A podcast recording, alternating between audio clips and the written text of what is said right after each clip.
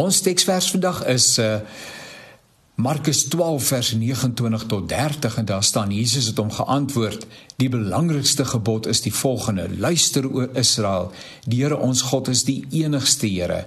Daarom moet jy die Here jou God lief hê met jou hele hart en jou ganse siel en met jou totale verstand en met al jou krag, hart, siel, verstand en krag. Geestelike gesondheid is die saak waaraan ons as gelowiges veronderstel is om deurlopend aandag te gee. Ons daaglikse omgang met God, tyd in gebed, ons persoonlike geloofstoewyding, ons betrokkenheid by 'n geloofsgemeenskap ensovoorts is van kardinale belang. Ongelukkig het COVID mense lui gemaak en baie skuil agter die verskoning van aanlyn eredienste. En ek maak geen verskoning daarvoor. As ek prompt uitsê dat belangrike dinge verlore gaan as ons konsekwent op sosiale media fokus vir ons geestelike onderbou en groei nie. En uiteraard verwys ek nie na mense wat vanweë praktiese oorwegings soos fisieke ongesteldheid, afstand ensovoorts nie anders kan as om dienste aanlyn te volg nie. Ek praat van mense soos ek en jy wat die seën van die Here in ons lewens geniet, aan min kort skiet en tog verskoning vind om nie die bietjie moeite te doen om die naaste kerkgebou te besoek nie. Stry die seën wat jy daar ontvang as jy die slag opdaag, uh, dit plaas al jou en my verskonings in perspektief.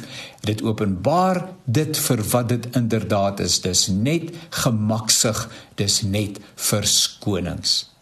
Vandag egter wil ek vir 'n oomblik fokus op die noodsaaklikheid van 'n gesonde emosionele onderbou vir en in jou lewe.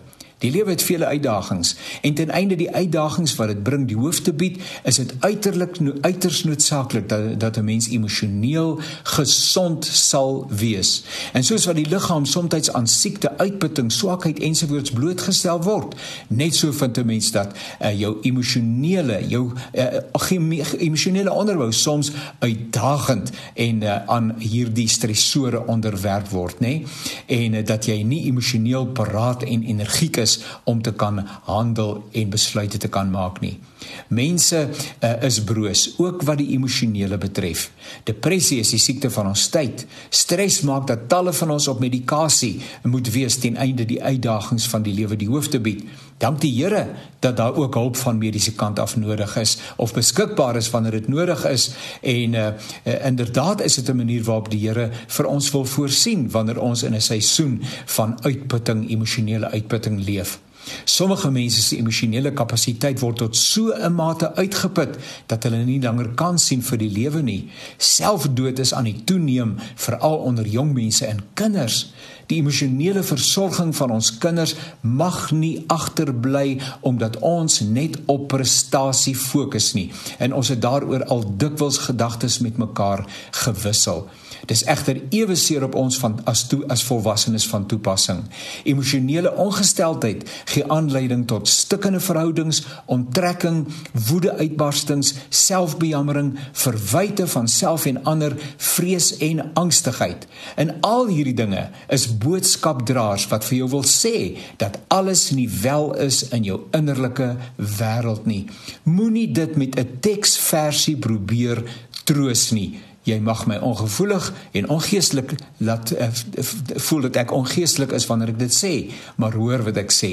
Moenie jou emosionele ongesteldheid konsekwent probeer stil maak met 'n teksversie nie. Dit is net 'n kortstondige beter voel maar dit kom tot 'n uitbarsting op 'n tyd wat jy nie daarop voorberei is nie. Jy het nodig om hulp te kry as jy emosioneel nie gesond is nie. So daarom my vraag vandag, hoe gesond is jy emosioneel en wat gaan jy daaraan doen?